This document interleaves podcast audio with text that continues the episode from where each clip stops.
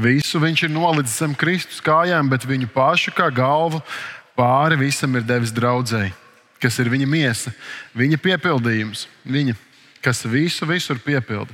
Āmen. Sēdiet, lūdzu.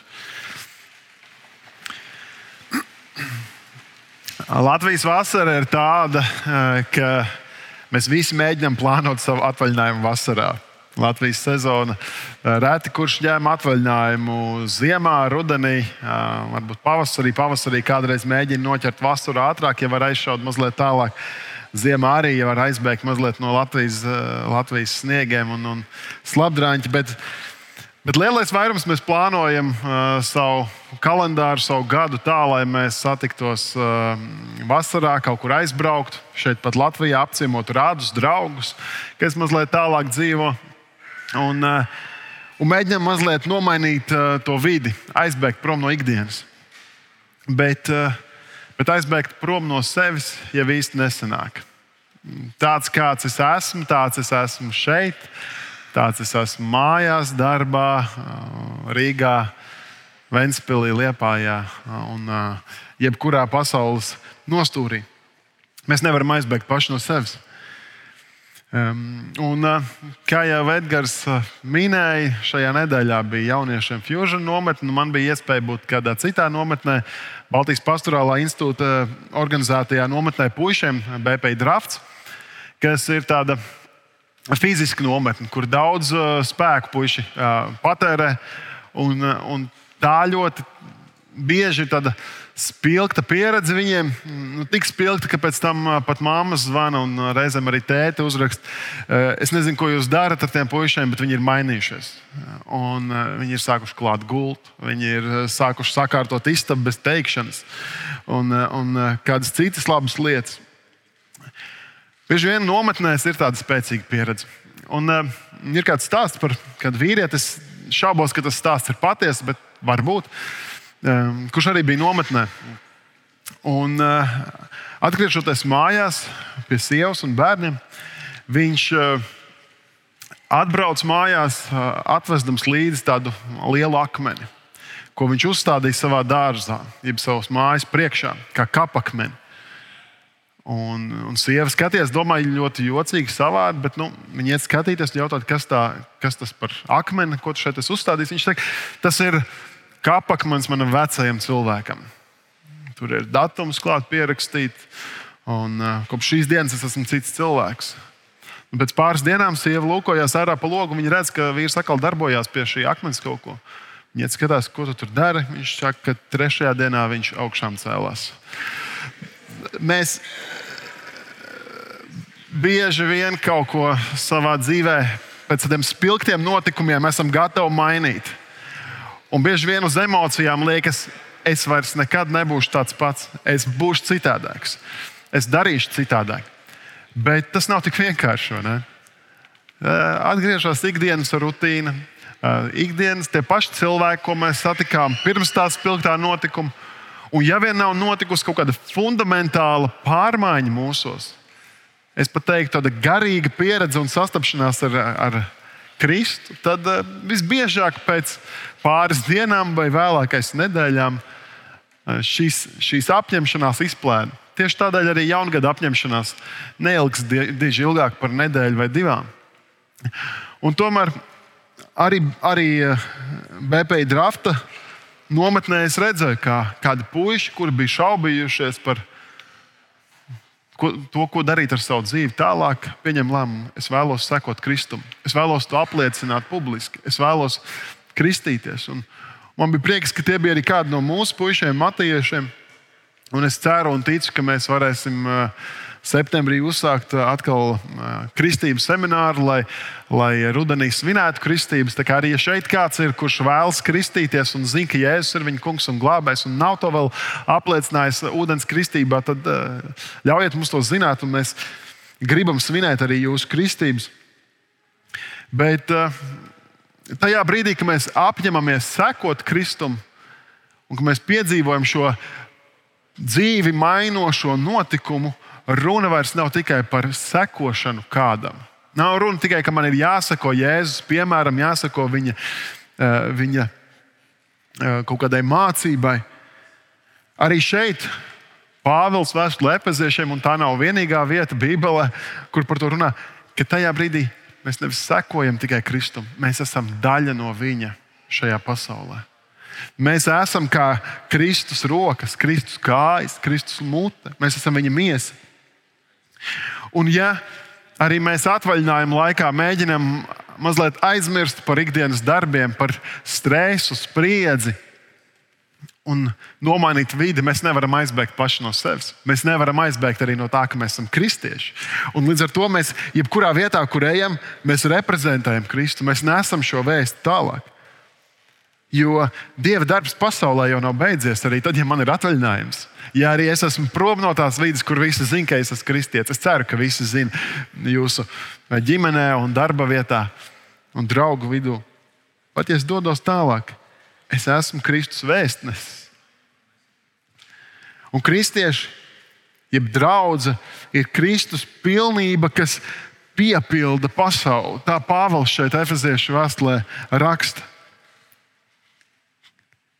ka viņa ir mīļa, ka, ka draudzene ir viņa miesa, Kristus miesa, viņa piepildījums, viņa, kas visu, visur piepilda. Ja redz, šī pasaule ir gana salauzta, viņa, tur ir sāpes, tur ir depresija, tur ir eh, grūtības. Protams, ne visiem un nevienmēr konstanti, bet vienalga ir šis kaut kāds garīgais tukšums Un mums, kā Kristus miesai, kā kristiešiem, ir jāapzinās, ka mums ir risinājums šai problēmai. Ka mēs varam piepildīt, atjaunot, piepildīt tādā mērā, ka tas ir pāri plūstoši, ka tas var sniegties pāri mums pašiem, un mēs varam svētīt citus. Ja mēs neesam pie pasaules, tad tā ir nepilnīga. Tad tā ir salauzta un slīkst ar vien dziļākās bēdās. Jēzus saviem mācekļiem teica, ejiet pa visu pasauli, sludinādam evaņģēliju, kristīdam cilvēkus. Un šī pavēle jau nav atcelta nevienā brīdī. Nav pateikts, visi jūs esat izdarījuši uzdevumu, tālāk jūs varat atslābt. Ejiet pa visu pasauli. Un tādēļ ir prieks, ka mums ir šobrīd kalpotāji nometnē no Amerikas, kuri izdzīvo šos vārdus un dodas uz šo okeāna pusi pie mums Latvijā un kalpo jauniešiem. Savā brīvā laikā, ņemot atvaļinājumu, liekot iekšā savas finanses. Ir tāda teorija, ka starp jebkuriem diviem cilvēkiem pasaulē ir seši rokas spiedieni jeb seši cilvēki. Ka katrs mēs pazīstam kādu, kurš pazīst kādu, kurš pazīst kādu, un tā mēs varam e, jebkurus divus cilvēkus nolikt pasaulē, un būs kāds seši cilvēki pa vidu. Vismaz vidējais skaitlis. E, to ir grūti pierādīt praksē, jo noteikti ir kādi izņēmumi gadījumi, bet 2016. E, gadā Facebook, šis sociālais tīkls, kuram tajā laikā bija 1,6 miljardi lietotāju, viņi salika šo datu bāzi kopā. Viņi teica, starp diviem, jebkuriem um, profiliem vidē ir 4,57 šie kontakti. Tātad pat vēl mazāk nekā 5 cilvēki ir starp jebkuriem. Vienalga, vai tas būtu Amerikas prezidents vai kāds cilvēks, kuru vārdu mēs nespētu izrunāt Āfrikā vai Āzijā. Starp kādiem ir tikai daži cilvēki. Un, ja Kristus eh, dotais uzdevums, pavēle ir iet un darīt par mācekļiem visas tautas, ikvienu cilvēku stāstīt viņiem par to cerību, kas ir mūsos, par žēlastību, par, par Jēzus darbu, tad es nevaru aiziet pie katra Bet mēs katrs varam aiziet pie kāda un tādā veidā šo barjeru samazināt. Mēs varētu taisīt milzīgas svētīšanās, sapulces, evanģelizācijas pasākums un mēģināt saicināt pilnu arēnu Rīgu vai dziesmu svētku estrādi. Un vienalga daudz lielāks efekts būs tad, ja mēs katrs aizsniegsim un ar Kristus vēsti uzrunāsim vienu cilvēku, kurš pēc tam darīs to pašu. Un tādā veidā katru dienu mēs varētu dzīvot. Un tad šī dieva dotā misija tiks piepildīta daudz ātrāk, daudz pamatīgāk. Un dieva dotā misija ir neiespējama vienam, bet to var īstenot kopienā. To var paveikt, ja mēs esam daudzi. Un, un Jēzus saka kādus izaicinošus vārdus saviem mācekļiem, saviem sekotājiem. Viņš saka, patiesi, patiesi es jums saku, kas tic man, tas darīs tos darbus, ko es daru, un vēl lielākus par šiem, jo es aizēju pie tēva. Tad Jēzus saka, un, un mēs skatoties uz Jēzu, domājam, viņš paveica fantastiskas lietas, un ja nebūtu viņa, tad mēs joprojām dzīvotu savos grēkos un nebūtu piedzīvojuši glābšanu un žēlastību. Un tomēr Jēzus saka, ir lietas, kas ir vēl lielākas, ko jūs paveiksiet. Un es nedomāju, ka Jēzus domā katru mācekli individuāli, bet kā draugu, kas iemieso šo Kristus miesu. Un ja ik vienā vietā, kur mēs ejam, mēs nesam līdzi šo apziņu, ka mēs esam daļa no Dieva plāna, daļa no Dieva misijas. Ja šis laiks vēl pastāv, ja Kristus nav nācis otrais, tad vēl ir mums uzdevums iet un darīt par mācekļiem, runāt, būt par Dieva darba biedriem, jo mēs esam viņa miesa. Jo, ja mēs esam viņa miesa, tad mēs arī varam. To Jēzus mums apsolīja. Un šeit Pāvils raksta, draudzē, viņš saka, šī draudzene ir Dieva piepildījums. Draudzene, kas visu, visur piepilda. Tas nenozīmē tikai draudzes piepilda. Tas tieši nozīmē, ka tur, kur ir salauztība, tur, kur ir tukšums, tur, kur ir sāpes, tur, kur ir pazušana, ka tur ir draudzene, kas var pacelt, kas var stiprināt, kas var atjaunot, kas var norādīt uz Kristu, kurš dziedina. Tas ir runa, tā ir runa par salauztām ģimenēm. Tā ir runa par uzņēmējiem, par darba vietām, kur mēs kā kristieši varam būt līdzās. Tā var būt runa par kultūras iestādēm, par sporta klubiem, par ikvienu vietu, kur mēs pavadām laiku kopā ar dažādiem cilvēkiem. Ja mēs izdzīvojam to, kas mēs esam, un Mēs redzam arī, ka Pēters 1. pētera vēstulē, 3. nodaļā, 15. pantā saka līdzīgus vārdus, kā mēs to varam darīt. Un viņš saka, svēti, svēti godājiet Kristu kā kungu savā sirdī.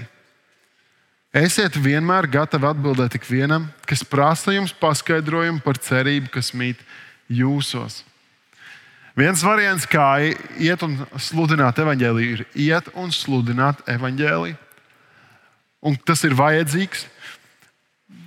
Bet ir svarīgi arī tas, ka mēs esam gatavi runāt par savu ticību, par to cerību, kas mājo mūsos, par mieru, mīlestību un daudzām citām svētā gara augļa izpausmēm, kas ir mūsos brīdī, kad cilvēki mums pajautā. Bet, lai kāds varētu pajautāt, mums ir pietiekami radikāli jāatšķirās no pasaules. Tā, lai mūsos būtu kaut kas tāds, ko viņi kāro, bet nevar saņemt. Un mēs redzam, ka tas, ko Dieva vārds apraksta par svētā gara augli, tas ir kaut kas tāds, ko pasaule vēlētos, bet nevar dabūt. Arī šeit Pāvils uzskata, uzskaita vairākas lietas um, no 15. līdz pat 20. Uh, pantam. Līdz 19. pantam vairākas lietas viņš uzskaita. Uh, kas tad varētu būt tas, ko pasaule var redzēt mūsos, un uh, par ko mēs varam ar viņiem runāt? Nu, tad, piemēram, 15. pāntā runa ir, ka mūsos ir ticība Jēzum un par un arī mums ir uh, mīlestība uz visiem svētajiem. Un ar svētajiem Pāvils uh, esmu diezgan drošs, ka viņš nedomā nu, tos, tos tēlus, kuriem mēs mm, kādās ikonās vai gleznās zīmētu kaut kādu oreolu ap galvu. Visi svētie ir visi draugi. Ik viens, kurš ir darīts svēts Kristu Jēzu, visi Dieva bērni Jo viņš lūkojās uz mums nevis caur mūsu grēcīgo prizmu, bet caur to, ko Jēzus ir izdarījis mūsu labā. Un, un Bībele saka, ka pasaule jūs pazīs pēc mīlestības jūsu starpā. Tad kaut kam īpašam ir jāmājo draudzes vidū, kopienā, kas ir kristieši, brāļi un māsas. Vienalga, pat ja viņi atbrauc no otras pasaules malas, es ceru, ka jūs izjutāt tādu mīlestību. Gan mēs, Latvieši, no mūsu amerikāņu draugiem, un viņi varēja sajust šo mīlestību no mums. Pāvils turpina 17. pāntā par to. Viņš pirmkārt jau pateicās par šo draugu un uzskata šīs īpašības, ko viņš redz, kā skaistas. Viņš saka arī, es pateicos Lūdzu, lai mūsu Kunga Jēzus Kristus, Dievs, godības Tēvs, dod jums gudrības un atklāsmes garu, tā ka jūs viņu atzīstat. Tātad gudrība, atklāsme tajā, ka mēs konstanti atzīstam to, ko Dievs dara mūsos, kā Viņš vada mūs caur mūsu dzīvē, ka mēs paļaujamies uz Viņu. Nākamajā pāntā viņš runā par apgaismotām gara acīm un, un zināšanas par, par godības cerību. Tad mums ir kaut kāds redzējums dzīvē, kas saka, šī dzīve nav viss, ir kaut kas vairāk, ir kaut kas lielāks. Pat ja ir sāpes un grūtības šajā dzīves posmā, es zinu, ka ir godība. Un mans sirds cer uz to. Mans gars ilgojas pēc tā. Un 19. pantā Pāvils atkal norāda par dieva varenības apzināšanos, kas parādās ticīgajos, mūsos. Tad, tad es zinu, ka mans dievs ir spēcīgs un varens, un viņš var izvest cauri jebkurai dzīves situācijai. Viņš var atrisināt jebkuru situāciju. Nav runa vairs par manu spēku un maniem resursiem, kas man ir pieejami, bet par to, ko Dievs var, kā labs ķēniņš, kā visa radītājs, kā viņš var lietot mani un vest tālāk. Un mēs šodien arī uh, Dievu lūdzot par tām vajadzībām, kas tika atsūtītas, redzējām, ka ir sāpes, un mēs zinām, ka ir sāpes. Ir bēdas, ciešanas, slimības. Bija, bija pandēmija, un joprojām ik pa laikam dzird, ka kāds saslimst. Tāpat bija karš. Liekas, kāpēc kaut kas tāds ir pieļaujams, kāpēc kaut kas tāds notiek. Un tomēr mēs zinām, ka arī tajā brīdī Dievs turpina vadīt. Un Viņš ar savu spēku ticīgos neatstāja. Viņš darbojas mūsos un arī pie mums. Un tad, ja es to apzinos, ka Dievs darbojas manī, ka Viņš darbojas caur draugu, ka tas ir Viņa piepildījums, tad arī Ik reiz, kad es lūdzu šo lūgšanu, ko Jēzus mācīja mums lūgt, eh, un ko mēs arī šodien pēc eh, vakarēdienas baudīšanas lūgsim mūsu Tēvs debesīs, tad, kad mēs lūdzam šo daļu, lai nāk tava valstība, tavs prāts, lai notiek kā debesīs, tā arī virs zemes, man ir jāapzinās to, ka šis Dieva prāts virs zemes sāka notikt caur draugu, caur tevi, caur mani, caur kristiešiem. Tas ir viens no pamata instrumentiem, ko Dievs lieto, lai ienestu taisnību. Ikvienā vietā, lai nestu cerību, piepildījumu, atjaunošanu, dziedināšanu. Man tik ļoti patīk, ka šo lāsu liekas super. Es gribētu tā dzīvot, un es gribu piedzīvot to, ko Pāvils šeit apraksta. Lai, lai, lai citi lūkojoties uz mani, var šīs lietas uzskaitīt, lai es lūkojoties uz citiem šeit, Matejā vai citās draudzēs, varu līdzīgas lietas teikt un pateikties. Bet man jāapzinās, ka es skatos joprojām ar savām mīsīgām acīm, jo Pāvils, kad viņš šo skaisto lūkšanu raksta, Viņš neraksta no pārpilnības, viņš neraksta no tādas cilvēciskas sprieduma svētības. Viņš to raksta atrodoties cietumā. Kad viņš ir važās kalts, viņš ņem un raksta par svētību. Viņš raksta par, par Dieva vadību, par Dieva spēku. Viņš raksta šos pāntus no 19. panta. Šī varenā spēka darbību viņš parādīs Kristu augšām celdams to no mirušajiem un sēdinādams pie savas labās rokas debesīs augstāk par katru valdību, vāru, spēku, valdīšanu un par visu citu lai kādā vārdā arī to nosauktu. Neviens šajā laikā, bet arī nākamajā. Viņu ir arestējusi Romas vara, Viņš ir visaugstākā, visspēcīgākā impērija, kas tajā brīdī ir. Un viņš par spīti tam saka, ka Kristus valda pār to visu. Es arī savā bēdās, arī savā grūtībās varu zināt, ka Kristus tam stāv pāri, viņš valda. Viņš ved, viņš savu lielo plānu izvadīs līdz galam, jo viņš valda ne tikai šajā laikā, bet viņš arī valda mūžībā. Un tas dod šo cerību un pārliecību iet uz priekšu. Līdz ar to neatkarīgi no, no tavu sāpju, problēmu, grūtību, apmēra, dziļuma, tevī var būt šī apziņa šodien, ka Kristus tev var lietot un ka Viņš to lietos. Pat ja tas cilvēcīgi liekas neiespējami. Pirmkārt, Dievam, Dievs redz tevi, Viņš tevi nav atstājis, Viņš tevi nav pametis, un Viņš tevi var lietot tajā vietā. Jo iespējams, ka tevi sadzirdēs tie, kur iet līdzīgām sāpēm cauri. Un, ja kāds, kuram ir viss veselībā, kārtībā, un neviens no tuviniekiem nav aizgājis mūžībā, un darbā viss ir kārtībā, un nav piedzīvojis kara šausmas, viņš nesadzird. Šādu cilvēku varbūt tie, kas ir sāpēs, nesadzirdēs. Bet to, kurš ir kaut ko līdzīgu sajūtis, viņā ieklausīsies. Un tieši tāpēc mēs redzam, ka Bieži vien tas, kurš ir izgājis cauri kādam konkrētam sāpēm, vienalga vai tas būtu alkoholisms, un viņš piedzīvos dziedināšanu, viņš var spēt kalpot tiem, kuri ir alkoholismā. Tas, kurš ir atbrīvots no narkotika atkarības, viņš spēj kalpot šādiem cilvēkiem. Tas, kas ir izgājis cauri depresijai, spēj izprast, līdzjust un kalpot tiem, kas ir depresijā. Kas ir gājis cauri šķiršanās procesam, tas var kalpot tiem, kuriem ir kādām salauztām attiecībām cauri. Un mēs sarakstu varētu turpināt vēl un vēl. Jo Dieva dotā misija ir neiespējama. To nespēj īstenot viens pats. Bet kopā esot kā draugi, mēs spējam piepildīt to salauzto pasauli. Un to es daļu no Jēzus klātbūtnes šajā pasaulē, lai to darītu pilnīgāku lai to vestu uz dziedināšanu, lai to vestu uz atjaunošanu, lai to vestu uz gal galā atjaunotām attiecībām ar mūsu glābēju. Un, un es aicinu tevi, ka tu šajā nedēļā īpaši lūdz Dievu par to, lai tev pavarās iespēja runāt par savu ticību ar kādu.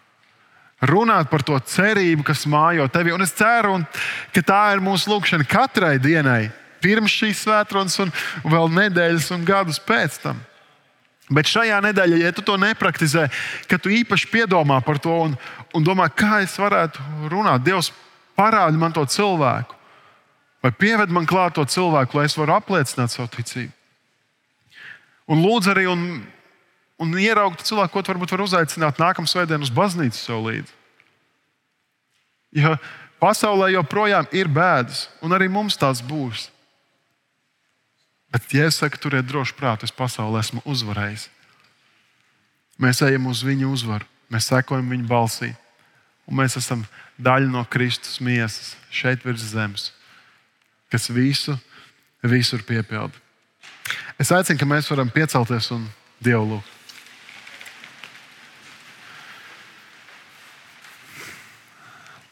Mīļais debes Tēvs, es Tev pateicos par to, ka Tu esi spēcīgs un varens.